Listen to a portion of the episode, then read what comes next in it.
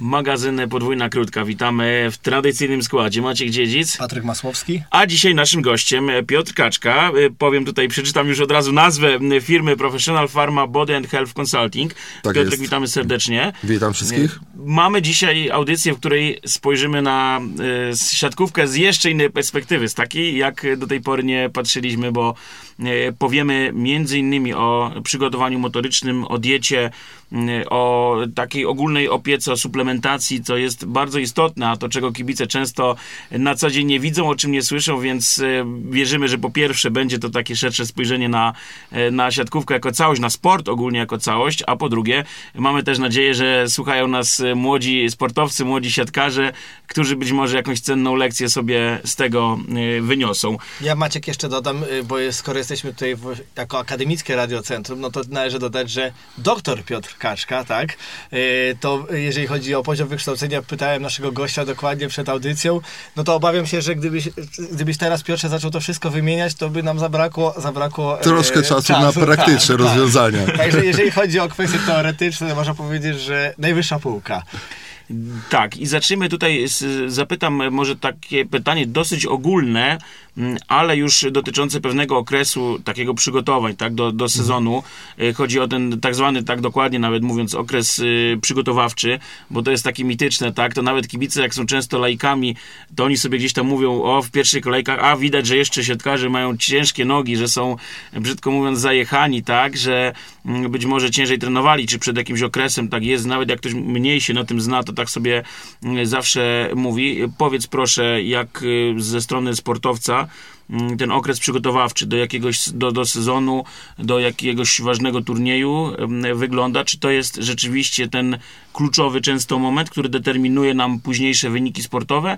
Czy jego rola jest być może gdzieś tam przeceniona? Absolutnie nie jest przeceniona. Ten okres przygotowawczy ma na celu po przerwie wypracowanie ogólnej takiej zdolności e, motorycznych wszystkich. To tam nie determinujemy wtedy szybkości czy siły dynamicznej, tylko bardziej skupiamy się na ogólnym rozwoju e, wszystkich zdolności motorycznych i przygotowaniem zawodnika do jeszcze cięższych obciążeń, które na końcu okresu przygotowawczego, już w tym bezpośrednim przygotowaniu sportowym w BPS-ie, czyli tuż przed zawodami, przez zawody, będą już kierunkowane pod określoną cechę motoryczną danego sportowca. Czy to będzie siła dynamiczna, czy to będzie szybkość, czy to będzie zwinność, prawda? Także ten okres przygotowawczy ma na celu zrobić dobre podstawy, bardzo szerokie, takie motoryczne i wytrzymałościowe i ogólnie takie zdrowotne i prorozwojowe dla organizmu, żeby od tego się odbić później jeszcze w specyficzny sposób na końcówce tego okresu przygotowawczego, który zazwyczaj jest dzielony tam na jakieś tam makrocykle, mezocykle. Makrocykl to jest mniej więcej pół roku, mezocykl to jest tydzień i mikrocykl to jest, e, mezocykl to jest, przepraszam, miesiąc i mikrocykl to jest zazwyczaj tydzień, albo są jeszcze lekcje treningowe, które tam określone zdolności motoryczne są w trakcie kształtowane. Także to jest bardzo istotne, e, bardzo istotny okres i tutaj się wypracowuje tą podstawę taką, po której robi się chwilkę przerwy i dociska się później już na danej cesze motorycznej, prawda, na rozwoju. Także to, jak dobrze przypracujemy ten okres przygotowawczy, powiedzmy te 5 miesięcy, to będzie skutkowało tym, w jakiej kondycji wyjdziemy na zawody, jak będziemy się czuli, jaka będzie podatność na kontuzję, czy nie jesteśmy przetrenowani, bo to musi być wszystko kontrolowane od początku do końca. To nie jest tak, że my tylko zwiększamy intensywność treningów, prawda, tam z tygodnia na tydzień, ale to musi do tego i żywienie, i kontrola, i parametry biochemiczne tak naprawdę powinny być robione, żebyśmy nie czytali czytali z mm, no jak to się mówi, ze szklanej kuli obsypanej fusami po kawie, prawda? Albo jeszcze spod dużego palca, tylko normalne wyniki biochemiczne z krwi, z moczu, płyny organiczne, yy, aby ocenić w jakiej kondycji jest organizm. Bo tak na oko, jak ktoś nie ma dobrego takiego doświadczenia, albo yy, to też nie wszystko, no bo takich rzeczy, na przykład jak kwasica utajona można nie zobaczyć, a ona jest okresem permanentnym, prawda, ciągłym i on już robi nam, w cudzysłowie, krecią robotę, czyli uniemożliwia re szybką regenerację w okresie przygotowawczym. Także to wszystko musi być monitorowane. To nie jest tylko i wyłącznie trening na sali, nie? To jest okres, w którym trzeba często też wdrożyć zawodników, nowych zawodników, czy ci, którzy nie mają określonych nawyków żywieniowych, bo żywienie jest absolutnie numer jeden. Nie ma nic ważniejszego. To tak jak Paliwo w samochodzie. Masz piękne auto bardzo wysokiej klasy, świetnego kierowcę, ale nie masz paliwa, nie? I no, nie wygrasz wyścigu, bo nie uruchomisz auta. Także każde zaburzenie albo zamiast, nie wiem, 95 wlałeś 65, no to też nie pojedzie, nie? No albo będzie, wiesz, nierówno na garach pracował. Także e, to jest bardzo istotne, żeby interdyscyplinarnie, jakby, że tak wyrażę w cudzysłowie, ogarniać, czyli e, tego zawodnika, czyli pod kątem i przygotowania motorycznego, i żywieniowego, i hormonalnego, równowagi hormonalnej i innych potencjalnych zaburzeń, które mogą się wtedy pojawić w organizmie w wyniku obciążenia treningowego, które narasta w tym okresie przygotowawczym stopniowo wraz z kolejnymi e, makro, me, e, mezocyklami czy mikrocyklami. Dlatego to odgrywa tak dużą rolę. To nie jest tak, że tylko trenujemy, a właściwie nie powinno być tak, że tylko trenujemy, tylko trenujemy, kontrolujemy, ale jednocześnie żywimy. Gdzie żywienie powinno być na miejscu pierwszym. Wisienka na torcie to jest suplementacja, jeśli nie jesteśmy w stanie dostarczyć tych składników z diety, a często nie jesteśmy w stanie, bo są to działania na przykład bardzo poprawiające skupienie, przy czym nie mówię o wypiciu kawy przed, bo to jest zupełnie inny rodzaj skupienia, tylko działaniu na neuroprzekaźnikach w mózgu.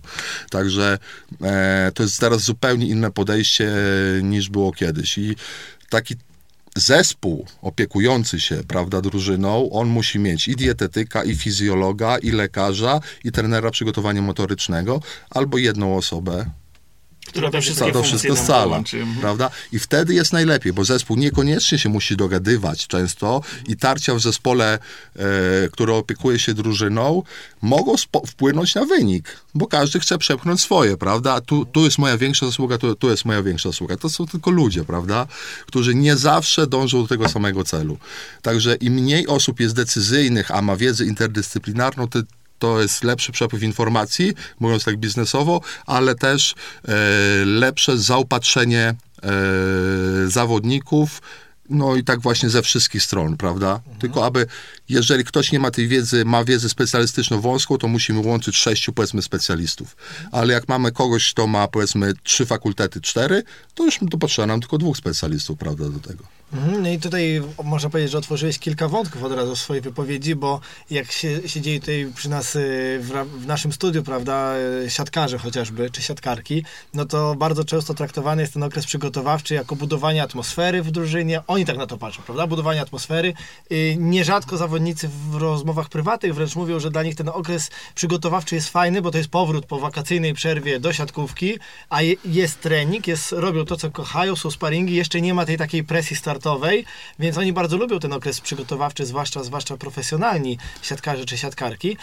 Trenerzy oczywiście łączą te fakty, bo z jednej strony muszą patrzeć, czy zespół się dogaduje ze sobą No, oczywiście. pod względem atmosfery, a z drugiej strony to, o czym ty mówisz, przygotować zespół, żeby on przede wszystkim już kiedy ruszy sezon był w dobrej formie, a po drugie, żeby mm, uniknął jak największej ilości kontuzji, która oczywiście w sporcie jest w dzisiejszych czasach tym największym fatum, na tym najwyższym poziomie. I teraz od razu moje pytanie z tego, co też powiedziałeś, mm, następujące się pojawia, bo w siatkówce jest bardzo dużo e, głosów na temat dużej intensywności najlepszych siatkarzy na świecie w tym momencie, która wynika z tego, że mamy, no ten, ten terminarz siatkarski jest taki, że jest najpierw sezon klubowy, a potem sezon reprezentacyjny. On nie jest przeplatany tak na przykład w piłce nożnej, prawda? No i w siatkówce jest ten problem, że nierzadko jest tak, że po reprezentacji trzy najlepsi zawodnicy, zwłaszcza grający w najlepszych reprezentacjach na świecie, czyli walczący do samego końca, można powiedzieć, w każdym turnieju, mają ten tydzień, niech będzie przerwy, a potem z marszu wskakują do, y, do przygotowań zespołu, który już niech będzie trwają, bo w tej siatkówce to faktycznie to jest w granicach między około trzech miesięcy ten sezon przygotowawczy, on mniej więcej trwa. Y, wskakują z marszu i powiedz mi, czy taki zawodnik po sezonie reprezentacyjnym to jest ten zawodnik, który powinien jak najszybciej wchodzić w, w okres przygotowawczy, żeby wchodzić na te obciążenia swojej drużyny, czy właśnie nie? Głęboki reset i potem indywidualne podejście do takiego zawodnika. No bo niestety no, realia są takie, że on wraca po reprezentacji i za miesiąc zaraz gramy, nie? Więc, więc Oby to był miesiąc, nieraz to jest dwa tygodnie, tak jak się zdarzało po Mistrzostwach Świata. jak się odnaleźć, żeby ten zawodnik potem nie skończył z kontuzją, prawda? Żeby tam nie było zerwanych e, więzadeł, żeby nie było problemu z achillesami, z kręgosłupem, z barkami. Znaczy, to jest chyba całego sportu to dotyczy, że jak mamy nagle okres tego wypoczynku, prawda, rozprężenia i kolejny okres przygotowawczy, no to nas, nawiązując do samego początku tego, co powiedziałeś, no to wiadomo, że to jest zaznajomienie jakby z drużyną w cudzysłowie, ale czy jest to tak zwane roztrenowanie, prawda, które tam trwa, dwa, trwa.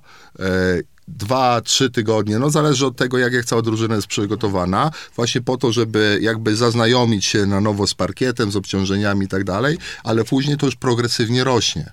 Także jak jesteśmy w tym już pro, progresywnym wzroście, e, to nie czekamy, aż zawsze musimy być tak zaopiekowani, że w każdej chwili jesteśmy w stanie nie wiem, te, według mnie trener przychodzi i mówi, słuchajcie, jutro gracie mecz o być albo nie być hipotetyczna sytuacja.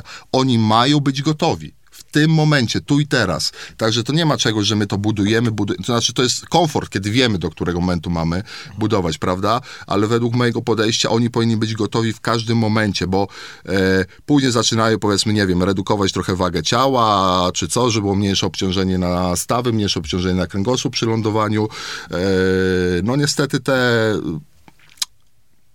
ubytki, czy też e, uszkodzenia aparatu ruchu, które pojawią się w tym okresie przygotowawczym, e, no później będą skutkowały niewydolnością do podjęcia kolejnej próby zaraz powiedzmy po tygodniowej przerwie, po zakończeniu tego okresu i przejście do innego, do innego klubu. Także E, jeżeli jest ta świadomość, że my do tego klubu przechodzimy i te, to będzie zintensyfikowane, a nie dbaliśmy o siebie tak jak należy, czyli nie było tych badań, zaopiekowania, sprawdzania, cały czas czuwania, jak się zawodnicy odżywiają, poziomu ich zdrowia, e, no to niestety trzeba to potraktować jako e, taką szybką rekonwalescencję ten, ten okres, e, powiedzmy, tego tygodnia. Absolutnie to nie ma tak, że my sobie leżymy, bo się regenerujemy. Nie. Znaczy, większość czasu spędzamy na niskiej aktywności fizycznej, tam powiedzmy, nie przekraczającej e, HR-u, czyli tam ilości uderzeń e, serca na minutę, między powiedzmy tam 45 a 60. Na takiej aktywności wtedy organizm się jakby nie męczy, tylko na przemianach tlenowych. Nie? I to jest, to jest ta regeneracja, ale uprawiamy aktywność. My nie leżymy tydzień w domu, tylko zmieniamy ją na basen, na na coś, co nie jest całkowicie związane z tą dyscypliną, bo i głowa musi od tego odpocząć. Mhm. Zawodnicy muszą znowu nabrać skrzydeł, że oni chcą i mogą, bo są wypaleni już, prawda, na koniec ciężkimi treningami i tak dalej, ale to można zniwelować poprzez odpowiednie zabiegi dietetyczne i e, fizjoterapeutyczne, odnowy biologicznej, czy po, po, po odpowiednie żywienie, suplementację, czy wyrównanie e, hormonalne takiego zawodnika, bo często mają zaburzenia hormonalne, na które rzadko się zwraca uwagę a one leżą u podstaw szybkości regeneracji czy podatności tego, jak długo trwa opóźniona bolesność mięśniowa, tak zwane DOMSy, popularnie zwane ciąg nadal zakwasami, choć takie pojęcie nie istnieje w literaturze, ja cały czas prawda? Zakwasy. Nie. Kwas mlekowy rozkłada się po 60 minutach od intensywnego wysiłku, a boli nas 2-3 dni po, także no niemożliwe, tak. żeby to był kwas mlekowy, prawda? Tylko jest to jest uszkodzenie struktur e, mięśniowych, rozlanie tego ogólnoustrojowy stan zapalny i dlatego to boli, kiedy albo kiedy napinasz mięsień. No to powiedz mi, co mam powiedzieć żonie, że jak wracam... Że jesteś zdomsowany. Zdomsowany. Dokładnie. No i powiem... Albo mam głębokie domsy. Okej, okay, cały czas mówię, że albo mam zakwasy, mam problem. Nie, to nie. nie. Na, jako sportowiec nawet nie powinieneś myśleć o takim słowie jak zakwasy. Słuchaj, Wyrzuć to ze swojego słownika. Słowo sportowiec w moim przypadku jest... Osoba aktywna fizycznie. O, wyczynowy amator. Dokładnie tak. Ja lubię takie określenie, wiesz, w sporcie, że... Yy, podział sportu na profesjonalny, amatorski i zawodowy. Czyli ja się śmieję, że jeżeli gra w lidze, która jest w formie zorganizowanej, gdzie jest jakaś yy, gratyfikacja, gdzie sędziowie i ktoś chce przyjść i mnie oglądać, to jest profesjonalne, ale nie zawodowo, bo rodziny z tego nie utrzymają. Więc, ale wiesz to, bo to jest poniekąd to, co ty też mówisz, yy, od razu musimy też zaznaczyć, bo to też nasi słuchacze bardzo często, którzy wiemy, że interesują się siatkówką, oni wprost wiedzą, że to jest ewidentne przeciąganie liny u nas, bo, bo jak mamy sezon klubowy, to klub jest najważniejszy, rozgrywki są najważniejsze, bo klub płaci, bo klub ma sponsorów, bo klub -hmm. wymaga. Jasne. Po czym pojawia się reprezentacja i reprezentacja jest najważniejsza. To my tutaj y, reprezentujemy, to my napędzamy tą siatkówkę też klubową, tak, popularność. Tak. I, i koniec Gdyby nie my, to by was nie było. No dokładnie tak. I, I każdy ma taki punkt patrzenia, więc właśnie to jest tym bardziej raczej trudne zadanie, żeby, żeby móc sobie z tym da, dać radę. A powiedz mi jeszcze taką rzecz, bo tutaj Maciek, przepraszam, że ci się wtrącę, bo chciałem zadać pytanie. Jak to jest w sytuacji, bo y, jak już mówimy też o przygotowaniu generalnie drużyny, to często pojawia się, jest, mamy ten taki okres przed tymi tak zwanymi playoffami, czyli Mhm. mamy rundę zasadniczą i potem pojawiają się playoffy. I dziwnym trafem drużyny, które są na najwyższym poziomie, które wiemy, że są traktowane wśród kibiców, one same też mają taką presję, będą walczyły o te najwyższe cele. Mhm. To jest ten okres, kiedy najwięcej wpadek gdzieś, takich e, dziwnych wyników się pojawia, które wynikają z tego Mhm. Ale wprost... ym, Znaczy, możesz moment doszacować słowo wyniki? Dobra, już mówię, to są wyniki sportowe, Mhm. czyli generalnie gra drużyna na poziomie, która wiemy, że już zajmuje w tej, w tej rundzie zasadniczej pierwsze, drugie, trzecie, czwarte, piąte miejsce Mhm. i trafia na mecz z zespołem z dołu tabeli na przykład Mhm. I to jest ten moment, kiedy wynik sportowy jest, y, no wydawałoby się, że nie ma szans, żeby pierwsza drużyna przegrała z dziesiątą. Jasne. I to nie są, ewidentnie widać już, jeżeli ktoś nie jest y, czysto laikiem, że akurat przełączył kanał i zobaczył, że jest mecz, o sensacja, bo dziesiąty wygrał z pierwszym, tylko jeżeli ktoś się interesuje, to widzimy, że no faktycznie oni są ciężcy. Ci zawodnicy, którzy są na pierwszym miejscu. Czy można wprost powiedzieć, bo w pewnym momencie już kibice o tym y, wręcz mam wrażenie sami zaczęli sobie dobierać, chcąc być ekspertami, że na pewno są w ciężkim treningu. Czy faktycznie tak to wygląda, że jeżeli mamy sezon rozgrywkowy liczony niech będzie od początku, kwie, od początku października, końca września, ten okres przygotowawczy, czyli sierpień, wrzesień, kawałek niech będzie też lipca i wiemy, że playoffy zbliżają się i to jest ten najgorętszy czas, bo on de- zadecyduje o, o zwycięstwie w A rozgrywkach. nie ma już przerwy między zasadniczą A, rundą a... Tak, nie ma tej przerwy, tak, bo jesteśmy No. bezpośrednio, wchodzimy z rundy zasadniczej, tydzień później jedziemy do playoffów Okej. i teraz mamy te playoffy i wiemy, że to jest ten miesiąc intensywnego grania, przykładowo jest to miesiąc kwiecień, to czy faktycznie to um, dzieje się tak i, po, i to jest normalne i tak powinno być, że wtedy załóżmy klub liczymy się z tym, że możemy ponieść jakieś straty w tej rundzie zasadniczej, bo przegramy z tym dziesiątym, ale ona nas tak nie będzie bolała, jak przegrana w e, playoffach. Czy faktycznie to takie mityczne dokręcanie śruby powinno następować właśnie w tym okresie, niech będzie, nie wiem, rzucam, luty, marzec, po to, żeby ta tak zwana świeżość wystrzeliła i najwyższa forma e, w tym lutym na playoffy, czy to jest tylko Świetnie. mit? Znaczy wiesz, jeżeli absolutnie nie masz momentu przerwy, bo normalnie okres przygotowawczy e, zwiększa swoją intensywność, powiedzmy do maksimum, i wtedy mamy po tym okresie, po zakończeniu jego przerwę e, i powiedzmy dalej starty za jakieś dwa tygodnie. Jakbyśmy mieli coś takiego, no to wtedy faktycznie tą aktywność należy obniżyć do minimum, bo mniej więcej tydzień przerwy powoduje, że zaczyna organizm wchodzi w fazę regeneracji, a później mamy fazę superkompensacji, czyli nadbutowania tego. Byliśmy powiedzmy na poziomie 1 wyjściowo, później spadliśmy, bo już byliśmy zmęczeni materiału, nazwijmy to organizm, już jest przemęczony, przetrenowany, prawda? Nie był odpowiednio zaopiekowany na żadnym z poziomów żywieniowych, regeneracyjnych i tak dalej. No i już jedzie na oparach, prawda? No i jak mamy możliwość zrobienia tej przerwy tygodniowej, to w drugim tygodniu organizm z poziomu 1, później w okresie tej przerwy pierwszotygodniowej schodzi powiedzmy na minus dwa, bo już jest tak wycieńczony, ale w kolejnym, trzecim tygodniu wchodzi, kiedy nadbudował wszystkie składniki, zregenerował się i to jest właśnie ta świeżość, te loty, nie? To jest tak zwany okres superkompensacji, czyli jesteśmy tak naładowani energią, że dopiero się robi postęp, nie? I żeby w takim stanie wejść, powiedzmy, w rozgrywki. Ale no nie ma takiego komfortu często czasowego, nie? To jest tak jak, mówisz, kończy się jedno i od razu zaczyna się drugie, nie? Świeżość, tak przepraszam, że ci przerwę, ta świeżość po tym, no faktycznie, dobra, dobiliśmy taki, zrobiliśmy mezo, jak to nazwałeś, No. jeżeli dobrze mówię, mezocykl albo mikrocykl, Mikro. żeby no. mikro, żeby móc trochę doładować drużynę, żeby Tak. ona wpadła w ten stan y, potem świeżości, to ta świeżość jesteśmy w stanie, ile ją, wiadomo, że to pewnie wszystko zależy od organizmu, ale Tak. ile maksymalnie jesteśmy w stanie jechać na tej świeżości, bo niektórzy odpadną w playoffach zaraz w pierwszym tygodniu. Tak, mi się wydaje, to znaczy to zależy jak byliśmy wysoko, jak głęboko spadliśmy i na który się poziom spieliśmy. To jest cecha nie drużyny, to jest cecha osobowa, więc nigdy nie traktujemy drużyny jako ciała, tylko drużyna to jest zespół ludzi, do którego trzeba podejść w sposób spersonalizowany. No wiadomo, że drużyna musi być zgrana, ale powiedzmy sam zawodnik na danej pozycji musi być traktowany w sposób spersonalizowany i treningowo, i żywieniowo, i suplementacyjnie, i w każdy inny możliwy sposób. Bo to jest wtedy faktycznie, my nie jesteśmy tacy sami. Wszyscy gramy w siatkówkę, powiedzmy, ale nasze organizmy się różnią.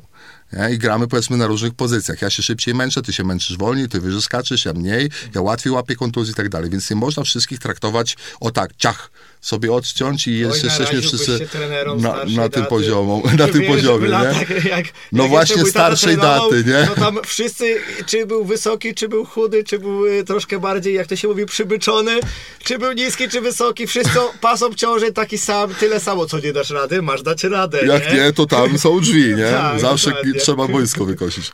E, ale nie, no to tak jak już mówię, starej daty, to już Mhm. było, wiesz, nauka poszła do przodu e, i w tym sposobem trzeba podchodzić, no ale zwykle są tu koszta ograniczenia finansowe na, na, na zespół nakładane, e, ale można to wszystko dobrze ograć i nawet bez tej przerwy e, można zawodników dobrze przygotować do tego, żeby nie czuli się zmęczeni. Także nie przebodźcowywać ich aż nadto, bo często, nie wiem, stymulują się, czy to będą kofeina, czy inne stymulatory, e, bo już są zmęczeni na treningach. Później wchodzi zakwaszenie organizmu, nad którym no, nikt nie ma świadomości, powiedzmy, albo bardzo mało osób ma świadomość tego, albo w jak to w prosty sposób zdiagnozować, a to nas będzie odciągało od celu i regeneracyjnie, i na samym w trakcie samych rozgrywek. E, także trzeba to sprawdzać. Ja sobie nie wyobrażam w ogóle pracy z drużyną, jeśli ja nie kontroluję ich zarówno na boisku e, behawioralnie, że się tak wyrażę, czyli pod kątem zachowania, ale też wyników, ale też wyników biochemicznych krwi, czy wyników hormonalnych. No to, to, to czasami tak niewiele, bo wysłać zawodnika raz na dwa tygodnie na badanie podstawowe morfologii jakichś i hormonów, e, a to jest tak dużo. To mamy czarno na białym. Co jest nie tak? Nie wydaje mi się. Oj, dzisiaj nie mam dnia, nie? Dzisiaj mi się słabo ćwiczy. Tylko, że ty już nie masz dnia drugi tydzień. To już jest zastanawiające, nie? Dlaczego ty nie masz tego dnia? Trzeba zidentyfikować przyczynę, a nie dokręcać mu śrubę. Bo jak dokręcasz mu śrubę, no to weź ty, weź sobie dwa espresso walnij, nie? Albo jakąś przetreningówę kup i poleci, nie? Poleci. Tylko, że on dalej nie rozwiązuje problemu przetrenowania, prawda, zakwaszenia organizmu, tylko pogłębiamy ten problem, maskując go doraźnie. Ten zawodnik wraca do domu i on wcale nie śpi dobrze bo on jest całkowicie rozbity hormonalnie również. Także on się wybudza często, nie? ten sen jest bardzo niskiej jakości. E, to wszystko powinno być komunikowane zwrotnie do trenera przygotowania motorycznego, do lekarza, do fizjologa, e, no żeby oni mogli na tym zapanować. Tylko no, realia są jakie są, prawda? No, albo wyjdziesz, albo wyjdzie za ciebie ktoś inny. No i... I tracisz szansę, a on, Tak, a on może wykorzysta tak. twoją szansę. Więc ja bym nawet na własny koszt to robił, bo taka morfologia to grosze kosztuje i zakwaszenie grosze kosztuje i, i raz na dwa tygodnie sobie zrobić to dla samego siebie, żeby wiedzieć dlaczego, poznać swój organizm, bo tam nikt się jakby mm, nie nie skupia na szczegółach, nie? Jeżeli cała drużyna w miarę funkcjonuje, no to jest okej. Ten trochę spada, ten się wyciągnął, no gdzieś tam średnio jest zachowana, nie? Ale to nie o to chodzi, żeby jeden ciągnął, czy tam czterech ciągnęło piątego i szóstego, tylko żeby wszyscy grali na maksa. Nie i o każdego trzeba tak samo się zatroszczyć. Także no takie podstawowe rzeczy, gdzie, gdzie to klub może kosztować miesięcznie, no nie wiem, tysiąc złotych. Powiedzmy, wiesz, zrobienie takich badań, wiesz, dla wszystkich zawodników, łącznie z kadrą jeszcze zarządzającą e, tą drużyną, e, no to takie wydaje się, no, W no takie realiach polskiej oszczędności. wydaje mi się jest to całkowicie bezpieczny wydatek. Tak, wrażenie. No, Do- do no tak, mi się, tak, tak, tak mi się wydaje, że to właśnie jest brak świadomości, może czasem chęci, bo ktoś musi przejrzeć te wyniki, trzeba jakoś wziąć, a co temu dać, tam temu, a co nie, a, ja- a skąd ja mam wiedzieć, co nie. Czy to, nie? często mam wrażenie, że to jest też taka mentalność, dobra, płacę za twoje umiejętności i wymagam. Tak, a, tak, A no. to, że faktycznie różne rzeczy się dzieją, bo wśród kibiców nie często jest, a, bo może akurat, nie wiem, bo, bo dziecko przyniosło chorobę z przedszkola, bo, bo załóżmy słabsze samopoczucie, bo ktoś ma doła psychicznego w związku z tym, że jest w niższej formie. Ale to jest to, co powiedziałeś, że To trzeba często- często komunikować. zaleczamy, tak, a nie tak, tak, tak, przyczyny, tak, nie? dokładnie. Łagodzimy sam skutek, ale gdzie jest przyczyna? I ona ciągle tam jest, nie? Mhm. Ty tylko ją maskujesz. Ona się cały czas pogłębia, pogłębia i pogłębia, nie? Tak, także na koniec wychodzimy w coraz gorszej formie. Kończąc jeszcze ten wątek e, taki dotyczący trochę przygotowania, mnie zawsze ciekawił aspekt ten taki psychologiczny, tak, bo jesteśmy w ciężkim treningu. Patryk tutaj mówił, że siatkarze lubią pewnie w początkowej fazie ten e, moment, gdy wracają, gdy, gdy mogą się spotkać, gdy w końcu ich aktywność fizyczna jest większa. Natomiast też przychodzi taki moment, gdy te treningi się robią trochę żmudne, tak, musimy powtarzać pewne, pewne czynności. Daleko jest do tej nagrody w postaci, postaci meczu, do tego, tak, może, może tak to ujmę, upustu, adrenaliny, ale zarazem już powoli gdzieś rodzi presja, że zaraz zawodę, że zaraz zostanę zweryfikowany, czy się dobrze przygotowałem Mhm. na, na podstawie twoich gdzieś tam doświadczeń w pracy ze sportowcami, jak ta ich y, głowa, że tak powiem, wytrzymuje często ten, ten taki okres przygotowawczy. Czy są z tym problemy, oni zgłaszają y, problemy, czy to jest też, może się wiąże z tym, o czym mówiłeś, y, z tym, y, jak reaguje ich organizm i te badania, dzięki tym badaniom, o których wspominałeś, prostym, jesteśmy w stanie takich rzeczy uniknąć, jak jakaś depresja, jak jakiś taki dół psychiczny trochę. Absolutnie, masz stuprocentową rację. I ostatnio przygotowałem zawodnika e, na galę MMA, to takiego przygotowania on mówi, w życiu nie widział. Dla niego to przygotowanie do zawodów miał 14 kilo do zrzucenia w ciągu 14, czekaj, z 90 na 77, 13 kilo e, w ciągu 5 tygodni.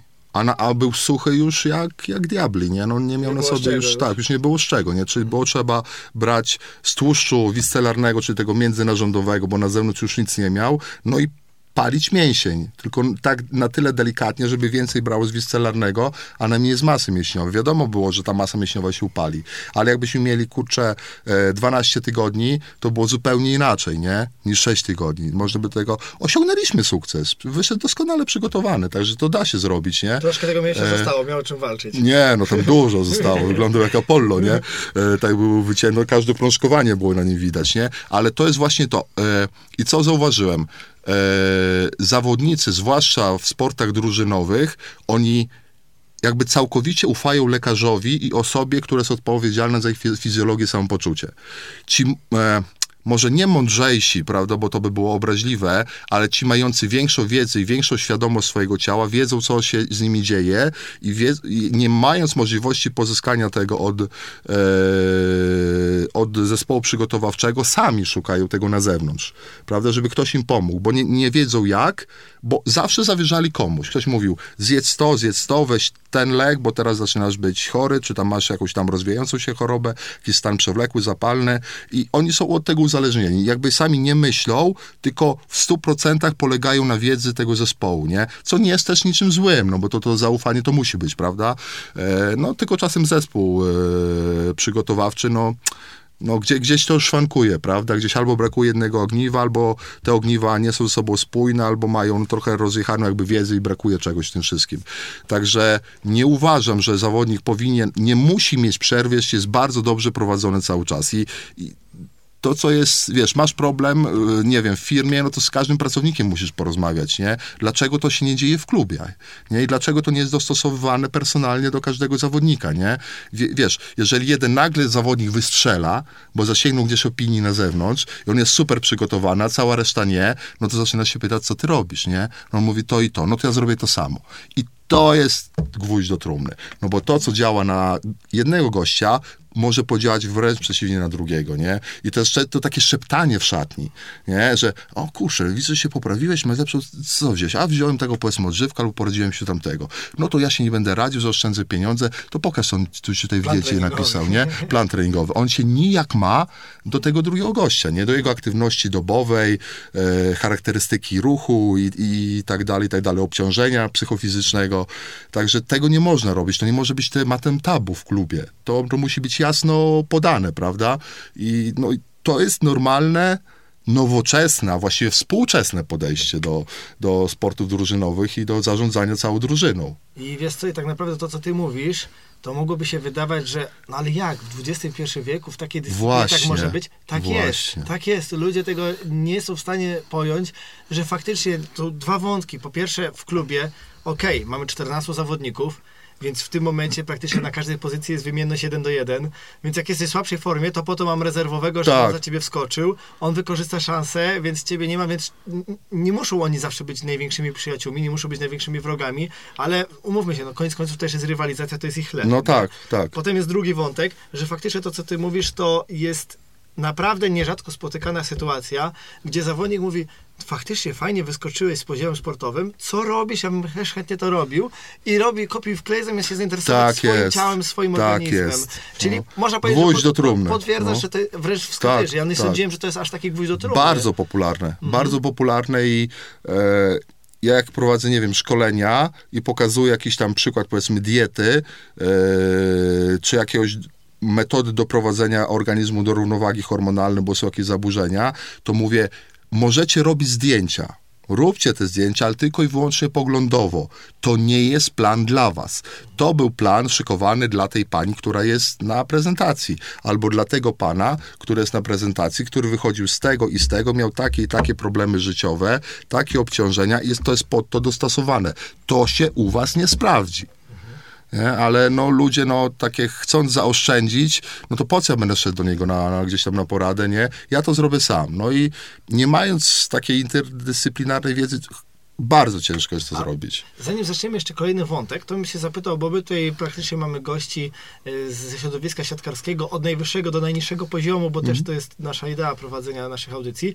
A powiedz mi, no bo umówmy się, profesjonalny siatkarz, okej, on może sobie zarówno finansowo, jak i organizacyjnie za- swoje życie pozwolić na takie, Tak. na takie podejście. A czy ten zawodnik na niższym poziomie, grający niech będzie w drugiej, trzeciej, czwartej lidze, który chciałby siebie maksymalnie dobrze prowadzić, Mhm. y, czy ale to też wiadomo, nie są takie obciążenia jak na najwyższym poziomie. Jasne, ale mniej. dla niego mogą być. No mogą okej, być tak dla- samo no odczuwalne dokładnie. jak dla pro, nie? No ale załóżmy, że on nie jest w stanie też, no niech będzie prosto, finansowo. Jasne. Sprostać takim, y, takim, takim y, właśnie gdzieś potrzebom, jakie niesie ten, to prowadzenie takie w 100% zawodnika. Jasne. Czy można powiedzieć, że dla takich zawodników jest jakiś taki złoty środek, że okej, powstrzymaj się od tego, rób to, czy mimo wszystko to jest, y, organizm człowieka jest tak skomplikowany, że, że, że Piotr, doktor Piotr Kaczka nie jest w stanie powiedzieć, zrób jakiś złoty środek i na ten poziom trzeciej ligi on ci wystarczy.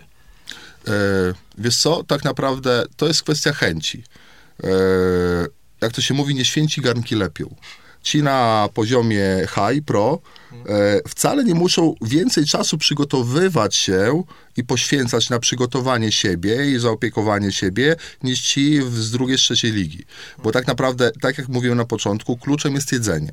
Jeśli ogarniesz sobie dobrego dietetyka i ułoży to pod ciebie, to tak naprawdę, wiesz, dostaniesz tam 20 zamienników jednego produktu, 20 drugiego, e, powiedzmy 20 węglowodanu, 20 białka, ileś tam t- 3-4 tłuszczu, bo tam więcej do wyboru nie ma za bardzo i sobie tym żonglujesz, ale masz ułożone to pod siebie. To jest klucz do sukcesu. To nie kosztuje dużo, no bo i tak wszyscy jedzą i musimy jeść, nie? Ja wiem, że nie wszystkich stać na łososia, powiedzmy, nie wszystkich stać na wołowinę. Jedzenie jest teraz bardzo drogie, ale można stosować substytuty, no białka, prawda, czy to białka roślinne, ale wtedy trzeba dodawać aminokwasów egzogennych, ale można bazować, nie wiem, na, yy, na biale, które no słabo ma jakość tego białka, ale jeśli z, z- dwojga złego nie jem albo jem słabe, to wolę jest słabe, bo to jest zawsze lepsze zaopatrzenie organizmu, także to, to nie wymaga jakichś horrendalnych kosztów. Czyli można wprost powiedzieć, to taki hasło, które bardzo często przewija się chociażby przez Wyglądasz tak albo ćwiczysz Mhm. tak, jak jesz. No właśnie, że, że, Tak, że twoja forma tak, sportowa to tak, zależy od tak. tego, co jesz i jak jesz tak, i kiedy jesz. co do tego baku swojego lejesz, nie? Jak dbasz o silnik swój. A nie do końca Nie? ile przebiegniesz kilometrów, czy jak dużo podniesiesz Tak, ciężarów. tak, Okej, no. Czyli jednak w kuchni robimy. Tak, forma. znaczy formę robi się w łóżku śpiąc, Okej. nie? Dbasz o Dobrze to, znałeś, że śpiąc. bo mówimy o formie sportowej, Tak, nie? tak. A chociaż można robić y, Forma- trening aerobowy, również wykonywać w łóżku, jeśli komu jest, jeśli ktoś ma taką predyspozycję, Wracamy chęci. Ty, tak, I wracamy do siatkówki. Także kluczem jest e, optymalizacja diety. Nie? E, dobrze, jeśli wcześniej by były zrobione badania i wiesz, w którym kierunku tą dietę zoptymalizować. Ale to jest wydatek jednorazowy, powiedzmy, na badanie jednorazowo wydasz 400-500 zł, co wystarczy na kolejne lata, prawda? Pod to ustawić już dietę, na co wydasz naprawdę u świetnego dietetyka, powiedzmy, kolejne 500 zł, ale masz rok z głowy, nie? Za 1000 zł. No, dużo, niedużo. Nie, no to rozłożyć to na miesiące, Ludzie no to masz. tak, e, przez weekend wydają więcej No, niż, niż na ten. Podejrzewam. Dokładnie. pójdą na obiad. Dokładnie, więc to jest. To nie są koniecznie skomplikowane rzeczy, to nie jest żadne rocket science, nie? To są po prostu proste rozwiązania, które e, należy mieć świadomość, że są i się do nich e, skrupulatnie zastosować. E, I później już na podstawie wyczucia, czucia własnego organizmu, w sensie ja chcę. Bo jak ty mu zaproponujesz, on Jezu, dzisiaj znowu muszę to zjeść, nie? O Jezu, dzisiaj znowu muszę to usmażyć, nie? Czy coś tam, muszę iść na zakupy, kurczak mi się nie chce, już bym został z tym piwkiem, nie? Przed telewizorem. No nie oszukujmy się, takie, takie są realia. Także jeżeli sam o siebie nie chcesz dbać, to choćby ci tam pasy z ciebie darli, to i tak o siebie nie zadbasz, nie? To musi wychodzić od zawodnika. A jak chcesz, zawsze znajdziesz drogę do celu, która będzie bardziej wyboista, no bo będziesz miał mniej środków i nie będziesz, nie będą cię w lektyce wjeździć, tylko będziesz na nóżkach szedł i sobie stopy ranił, ale później jest ta prosta droga, bo już wiesz to na doświadczeniu, nie? Także lepiej na początku zainwestować, ucząc się na błędach innych, niż uczyć się na błędach swoich przez 10 lat, a między innymi w trzecim roku skończyć przygodę z siatkówką, prawda? Bo jednak nie podołałeś. No właśnie, to tu mamy już takie bardzo ważne przesłanie do tych młodych sportowców, to o czym mówiłem na wstępie. Mm, Natomiast y, powiedz proszę, jak, jak dostrzegasz na, na przestrzeni tych ostatnich lat, rośnie nam ta świadomość sportowców dotycząca właśnie tej diety, odpowiedniego odżywiania, odpowiedniej suplementacji, czy mm, osiągnęliśmy już taki poziom, gdzie wszyscy mm, w dobie internetu tak wiedzą, jak to wygląda, sięgają po tą pomoc, czy cały czas są tutaj braki, że cały czas mm, ta, od- ich świadomość jest zbyt mała? Wydaje mi się, że świadomość jest mniejsza, bo jest rozproszona. Wiesz, przez co jest rozproszona? Właśnie przez ten internet. A właściwie jak wpisujesz pierwsze hasło, na przykład ból stawów, nie, no to ci nigdy nie wyskoczy coś dobrego, pozytywnego, tylko pierwsze ci wyskoczy nowotwór kości. Nie? Albo artroskopia, albo zerwana celka, albo krzyżowe, albo łąkotka nieuszkodzona. Także e, no i są całe grono, mamy domorosłych chemików, biochemików, fizjologów, którzy celebrytów i tak dalej, którzy chcą się wypromować, a już są wypromowani poprzez pięknie wymalowane usta albo pięknie postawione włosy, prawda? Ale mają tyle followersów, że opłaca się ich oglądać, prawda? I oni znają się, stają się wyznacznikami. Kiedyś wyznacznikiem wiedzy był profesor, później doktor, później magister, a teraz jest tak naprawdę influencer, albo ktoś No, o to większych zasięgach. I to tak strasznie rozmywa, jest tak, taki natłok informacji fałszywej, bo 95% to jest fałszywa informacja i mitologia stosowana, zależy co się lepiej w Google pozycjonuje, to umieszczam na swojej stronie, żeby do mnie ciągnęli, a ja z nich ciągnę, nie? Także e, trzeba mieć bardzo dużą wiedzę, żeby odsiać ziarno od plew. A zazwyczaj mało osób jest po wykształceniu kierunkowym, jak, jakimś bio, nie? Tylko no, są po różnych wykształceniach, no, no, ale na, na WF-ach takich rzeczy się nie uczy. Dietetyków się nie uczy, rozwiązań nowoczesnych, tylko ciągle gdzieś tam na pomiar poziomu tkanki tłuszczowej, prawda, odpowiednim urządzeniem jeżdżą, robią to ewentualnie na e, no e, na wagach z bioimpedancją już rzadko kto ko- korzysta z deksy, nie? A w bioimpedancji No, nie ma. generalnie. E, No takie no, gdzie ci mierzą skład ciała, A, po okej, prostu wiesz, trzyma- trzyma, trzymasz, e, stajesz bez skarpetek, stajesz, trzymasz w rękach elektrody, masz 8, od, od, e, od 8 elektrod do odprowadzenia, no i przesyłają częstotliwość przez okres, przez ciało i to ci pada z jaką częstotliwością, co rezonansuje. Woda, kości, mięśnie i tak dalej, nie? Ale nie ma algorytmu dla sportowców, także one są całkowicie, można powiedzieć, od tyłek roz... Przepraszam za to Wiemy, o uproszczenie na, na antenie. Nie, nieprzydatne. Okej, a wiesz co, tak, jeżeli w takim razie troszkę tych mitów, bo y, o czym też Maciek mówił, y, jest bardzo, jesteśmy w takim rozkwicie dużym siatkówki, jeżeli chodzi o, o nasz obecny czas. Doskonale. I, I mamy takie fajne przejście pomiędzy tymi, którzy doprowadzili do tego rozkwitu, czyli właśnie pokoleniem siatkarzy takich jak Krzysiek Ignaczak, Marcin Możdonek, y, obecny dziennikarz Łukasz Kadziewicz i oni dzielą się wieloma uwagami z ich czasów, jak to było, czyli że, że oni bazowali atmosferą, umiejętności, ten, bycie tym walczakiem, ale tam też może niech będzie alkohol, niech będzie, że ten tak zwany schabowy, ziemniaczki, wszystko było na porządku dziennym, prawda? Tak, tak, bo I, niczego innego nie było. Dokładnie i no, Jezu, mój tata mówi, że ich, jego nowa biologiczna w latach 80. polegała na tym, że to, co my sobie kojarzymy w tym momencie jako witaminka C, która jest wsypywana, yy, to, to było nowa biologiczna, jeżeli chodzi o suplementację, prawda? Kiedyś nie było serwatki, było mleko w proszku, nie? No, dokładnie. Albo śmietanę się piło do upadłego, bo nic innego nie było, No nie? właśnie, i, i tam, ale oni teraz mocno pokazują, jednocześnie zafascynowani tym, że zawodnik, właśnie to co mówiłeś, o, o śnie, specjalnie dobiera materac pod swoje gdzieś nie Ale to wiesz, czy nawet masz aparat do, wiesz, do, do tleniania, jeżeli ktoś ma bezdech nocny, ale nawet osoby bez bezdechu biorą automatyczne aparaty. To nie jest coś jak e, mm, e, e, aparaty, wiesz, podłączane w szpitalach, Mhm. gdzie ci jakby pompują to powietrze do płuc na siłę i tutaj przepona i później mięśnie międzyżebrowe ulegają zanikowi, bo żeby wziąć wdech, to ty tak naprawdę musisz skurczyć te mięśnie, nie? A jeżeli ktoś coś w ciebie dmucha, to powietrze tłoczy, to te mięśnie zanikają, bo nie są potrzebne, nie? Także to są tylko aparaciki takie, które ci tak lekko dmuchną w nos, a ty na odrucie, odruchu Pawłowa, czyli, że wiesz, że zapala światło, a, pies, który ma dostać jeść, już mu ślina leci z pyska, bo wie, że na zapaleniu światła zaraz będzie nasypanie do miski, nie? I to jest taki odruch Pawłowa, dmuchnął ci w nos i ty już zasiągasz to powietrze, nie? I ono jest cały czas, jak tylko aparat wyłapuje, że to ma zbyt wydłużony oddech, że teraz powinien być oddech, a nie ma, to on ci, tak, on ci reaguje, ci dmucha w nos, nie? I ci badał automatycznie przepływy, no i jakość snu się diametralnie poprawia, nie? Takie, takie aparaty można nabyć komercyjnie, prywatnie, oscylują w kwotach około 2,5-3 Ale tysięcy żeby złotych, nie? używać taki, a, taki aparat, to trzeba się z kimś skonsultować? Czy Można robić. Bo organizm sam jest dla siebie tej... E, są tak zwane auto, półówki, półautomaty i automaty. Półautomaty, najpierw idziesz do spirologa, e, który sprawdzi, jakie masz przepływy w płucach. I to dosyć długo trwa, prawda? Jak ty oddychasz i tak ci ustawia ten półautomat, aparat, nie? Natomiast aparaty, automaty same wyłapują po, dosłownie po trzech minutach, jakie ty masz przepływy i jaką ci jakby ciśnienie należy rzucić, żebyś ty zareagował na nie, nie? Żebyś wziął ten oddech. Także tam nie jest w ogóle potrzebny lekarz. To jest już, no, powiedzmy, sztuczna inteligencja, prawda?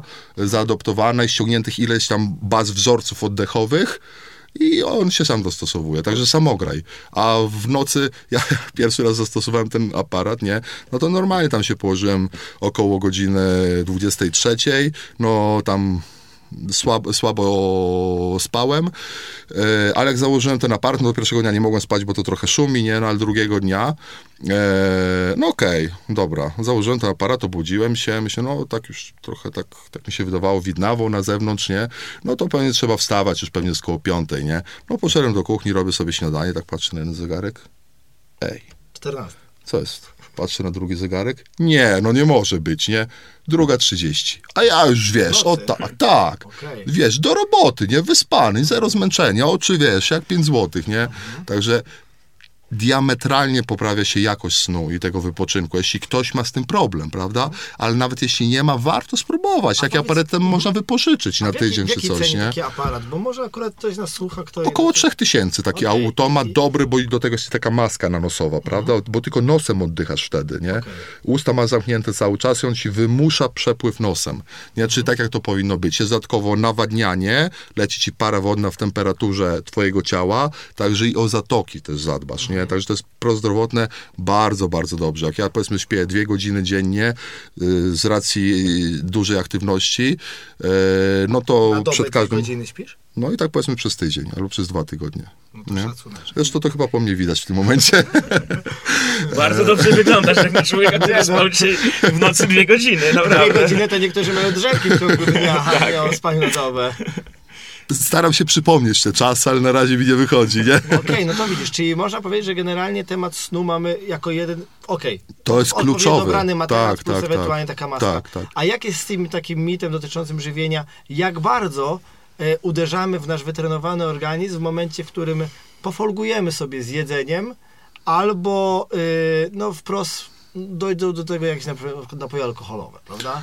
Tak, no jeśli jest to, wiesz, krótki okres, powiedzmy na tydzień sobie lecisz gdzieś tam na, na krótko mówiąc, na wczasy, to się nic nie stanie, nie? Ale jeżeli to jest przedłużony okres takiego, no, takiej laby żywieniowej, że się tak wyrażę, no to spada podstawowa przemiana materii. Coś, co pozwala nam na szybką regenerację i e, lepsze przygotowanie psychofizyczne, motoryczne. Także długość przysiągania tego czasu, ja nigdy nie byłem za tym. Ja zawsze uważałem, że e, jak Dietetyka to z ludzką twarzą, czyli swoim podopiecznym zawsze mówię, pracujesz ciężko 6 dni z tą dietą, ale siódmy dzień masz dla siebie. Jak pojedziesz do teściowej, do mamy, no to marzysz sobie tego schabowego, wracasz z dzieciakami do domu, tak zajeżdżasz do maka. e, Okno żywieniowe. Tak, to jest taki mój, jak ja to nazywam Happy Friday, nie?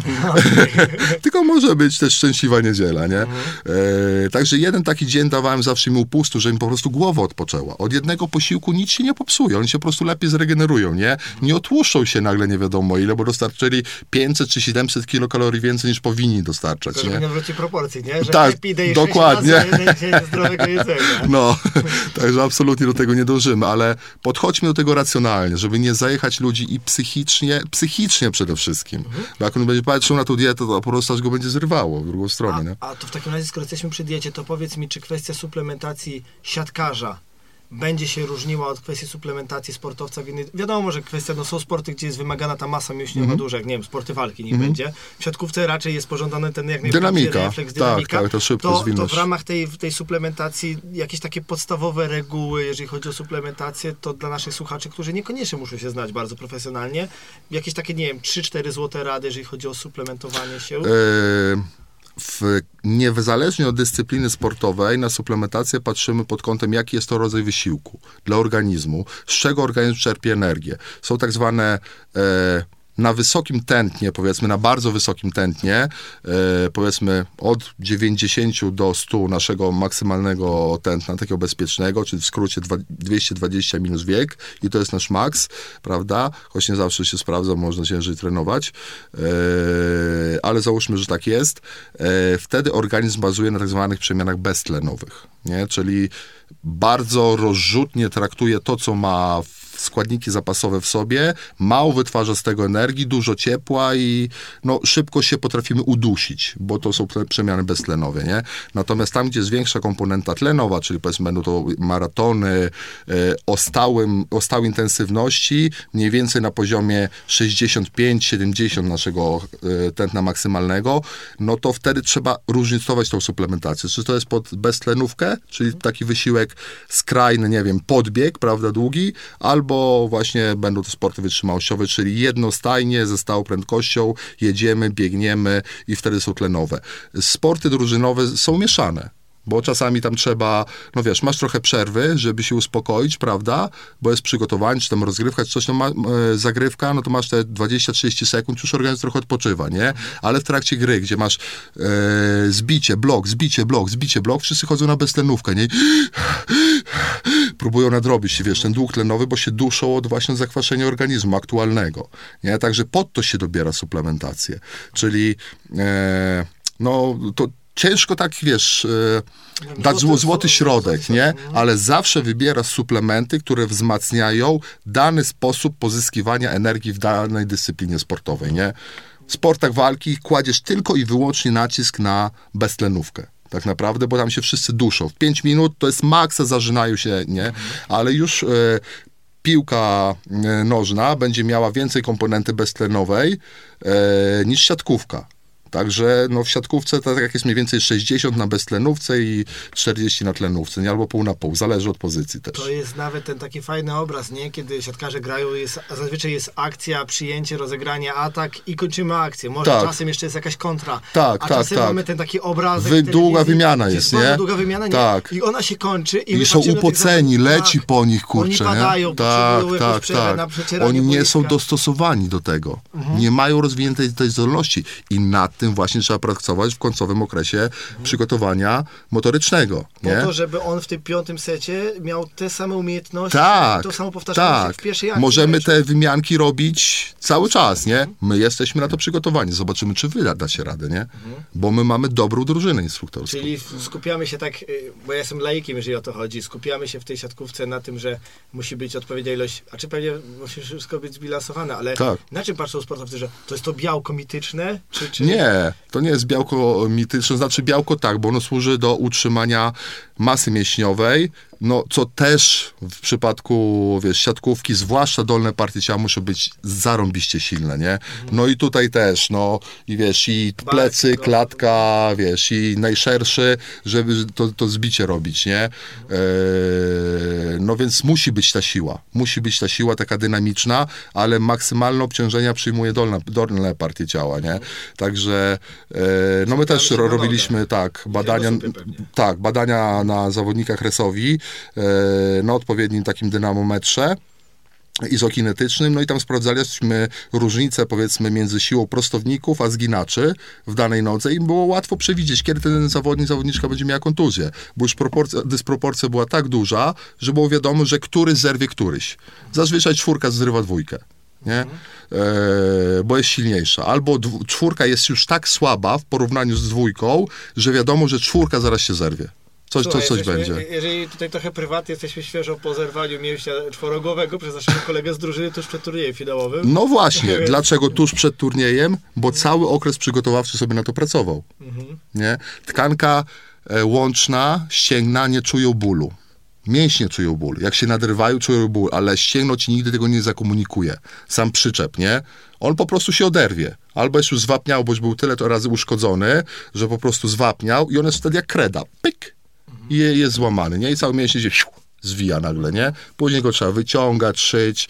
No masakra, nie? Jak to przeciągniesz, to on się jeszcze przyklei do innego mięśnia.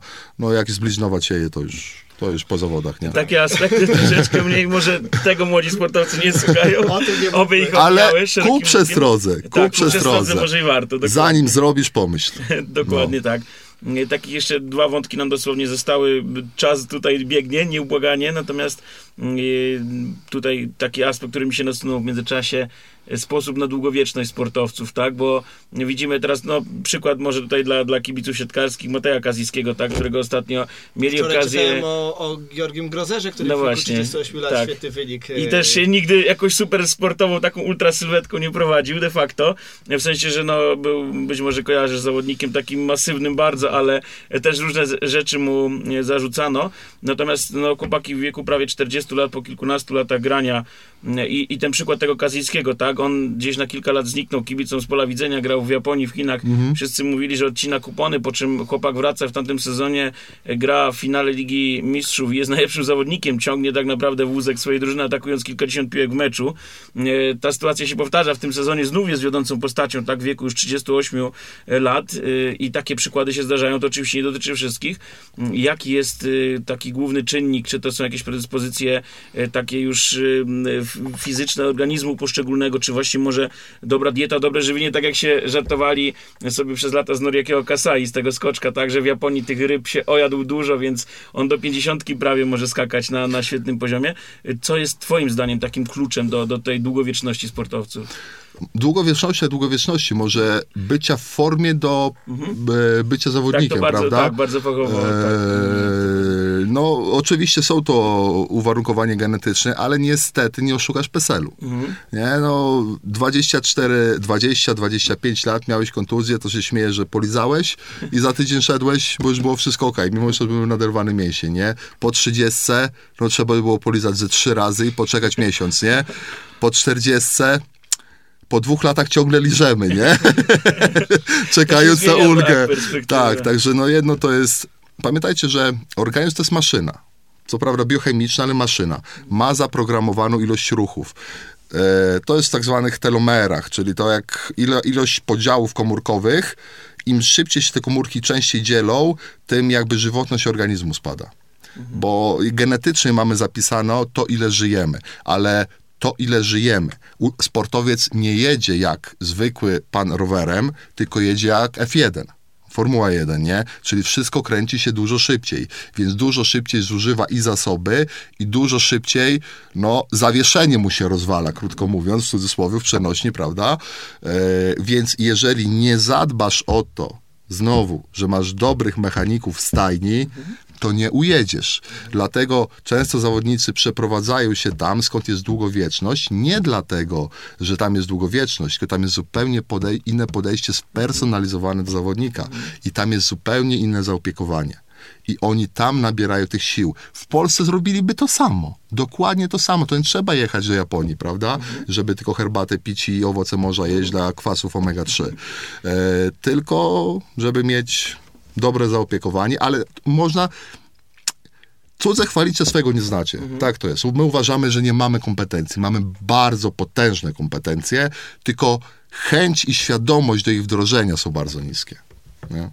Okej, to ja jeszcze, bo chyba nas czas, bardzo się rozgadaliśmy dzisiaj i, i jeszcze nasz czas już powoli nas nagli, ale ja zapytam o jeszcze jeden mit. Czy w sportach yy, dynamicznych, bo wszyscy mówią, prawda, jak chcesz pójść i uprawiać zdrowy sport, to albo pływanie, albo Nordic Walking. Tak, i piesek i do parku. No dokładnie, ale no bo to jest taki, jak ja skręciłem nogę, to lekarz mi powiedział na pogotowiu, sport to zdrowie, ale odbiera, nie? Mhm. Więc, więc generalnie w, no, trzeba się liczyć z tym, o czym zresztą całą audycję mówię, prawda, że ten sport zresztą o tym, co przed chwilą mówiłeś, każdy ma nasz, każdy z nas ma swój przebieg Tak, i ten przebieg w dokładnie. pewnym momencie gdzieś nas, no, no powo- Dogania. Dokła, dokładnie tak. I, ale powiedz mi, jak to jest w takim sporcie dynamicznym? Bo na przykład ja słyszałem o takim, o, o takim stwierdzeniu, że chociażby pływanie nie jest wskazane, znaczy jest wskazane do okresu przygotowawczego, na przykład siatkarza, ale już nie powinno być stosowane w tym y, sezonie y, właściwym jako chociażby, nie wiem, jakaś forma regeneracji czy forma odejścia, ponieważ może spowolnić ruchy y, siatkarza. Czy, czy można powiedzieć, że są takie sporty, oprócz tych oczywiście kontyzogennych, nie wiem, narciarstwo, jakieś wyczynowe jeżdżenie na rowerze, które faktycznie dla, dla siatkarza, no, powstrzymaj się od tego dla swojego dobra, żeby tą jak najlepszą formę prezentować. Czy taki mit o tym pływaniu to jest prawda, czy jednak to ktoś chciał dobrać za dużo teorii? Wiesz co, szczerze że ci powiem, że nigdy o tym micie nie słyszałem. Zna- Próbuję znaleźć teraz w głowie jakieś umotywowanie tego, No, takie, że, że ale, pływanie ale spowalnia te ruchy i ta, to, nie, są gotowe to na pewno nie. Może być jakieś, wiesz, że ktoś ma jakiś konflikt barkowy, więc ozros rozwalony i trzeba, nie wiem, płynie kraulem i może te barki nadmiernie wysilać, ale pływając żabką, no nie, no nie, tym bardziej, że jest to forma tak zwanej sportowej aktywności zastępczej, która jest często stosowana jako odskocznia i poprawa e, psychiki i ogólnego stanu zdrowia. Bo to jest wskazane, bo po tym okresie robisz właśnie e, ten uploading taki, e, kolokwialnie mówiąc, czyli schodzisz z obciążeń albo przechodzisz na inną aktywność fizyczną. Także jak najbardziej jestem za tym, żeby ludzie dywersyfikowali to i mieli odskocznię psychiczną i fizyczną od tego, co robią na co dzień z dużą intensywnością, żeby on wchodził za każdym razem świeższy, nie? Ale oczywiście jeśli się słabo regeneruje, to już mu nie dokładajmy dodatkowej aktywności fizycznej, czyli basen, który bardzo doi energię z organizmu poprzez oddawanie również ciepła do wody i organizm musi się nadmiernie grzać, ale jakieś zabiegi fizjoterapeutyczne, zapa- e, mas- masaże, tak tak, albo taki młotek sobie kupić, wiesz, rozmasowujący i całe ciało sobie pomasować, Mhm. dać partnerce czy dzieciakom, żeby to na plecach zrobiły, nie? No to, to jest doskonale pójść na spacer, także ja bym tego w żaden sposób nie ograniczał, dopóki to nie zabiera nam energii Która jest potrzebna i do tego tak, sportu. tak, i nie naraża na kontuzje Mhm. specyficzne, nie? Na spacer z pieskiem po parku, czy, czy gdzieś tam Nordic Walking, czy właśnie takie zabiegi odnowy biologicznej w żaden sposób nie wpływają, tylko pozytywnie. A co jest zdrowsze, Nordic Walking czy Nordic Plotking? To zależy dla, jak to się mówi na studiach MBA, to zależy, jest pierwsza odpowiedź na egzaminie, nie? I podaję swoją wersję. Także to zależy od organizmu, zależy od predyspozycji, kto co woli, co mu lepiej wychodzi, z czego ma większy komfort. Jak pójdzie raz na to i mu się znudzi, to ma drugą opcję, jak nie, no to będzie z tym pieskiem chodził, a jak nie, to będzie jeździł na rokach na, na, nad Wisłokiem albo po prostu stawić dziewczynę oglądał. A to wiesz, co to jeszcze dopytam jako miłośnik pływania właśnie w przeszłości, yy, czy, czy, czy faktycznie to jest prawdą, czy to może być prawdą, że to pływanie yy, tyle energii pobiera z organizmu, że na tym najwyższym poziomie taka dieta dzienna to może być nawet w granicach 25 tysięcy kalorii? No o tym nie słyszałem, żeby aż tyle windowali, ale o 15 tysiącach słyszałem. Okej. To był maks, jaki słyszałem, nie? No i to już jest tylko tłuszcze, bo nie jesteś w stanie przejść tego ani na białko, ani na węglowodanach. Ale Nie jesteś w stanie, nie? nie? 12 Tak tysięcy. Jak ja ważyłem 140 kilo i miałem same mięśnie, to wrzucałem w siebie 5,5 tysiąca kilokalorii, co było już nie do przejedzenia, bo tylko było zastanawianie, jak to popchnąć przez układ pokarmowy, No żeby on to po prostu przeleciało i się strawiło, nie? Więc były różne zabiegi, żeby to popchnąć. Także jak w pływaniu Phelps miał 12 tysięcy, no to tylko i wyłącznie tłuszcze. A dlaczego tak doisz tą energię?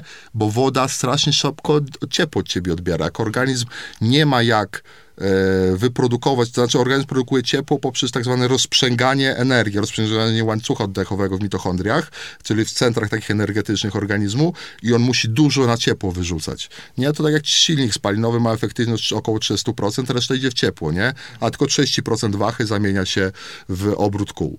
Także dlatego e, pływanie tyle energii pochłania, bo organizm musi się dwa razy bardziej skupić na utrzymaniu ciepłoty ciała i jeszcze w aktywności fizycznej. To tak jak maraton na Arktyce, nie?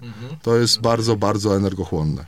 Wiele mitów obalonych dzisiaj, wiele ciekawostek, myślę, i zarówno dla młodych sportowców, ale i dla kibiców. Wątek Spec- zostawiamy otwarty. Jeżeli Tak, wątek jak najbardziej. Jeśli Piotr będzie tutaj miał ochotę, to jeszcze Jak kilka tych najbardziej. wątków bo mieliśmy rozpisanych, Dużo ale... jeszcze tego. tak, można by tutaj dużo, także zapraszamy bardzo serdecznie. Może Dziękuję. w jakichś kwestiach e, po sezonie uda nam się tutaj spotkać. Mówię też, e, na pewno kibice mogli dostrzec po naszej rozmowie, że ten proces sukcesu, ten proces, który my widzimy walczących zawodników na boisku jest dużo bardziej Skomplikowany. Złożony i Tak, skomplikowany. Tak. jest. Szanowni Państwo, Piotr Kaczka z firmy Professional Pharma Body and Health Consulting był naszym gościem. Bardzo serdecznie dziękujemy. Dziękuję chłopaki, dziękuję państwu. Dziękujemy i do usłyszenia. Do usłyszenia.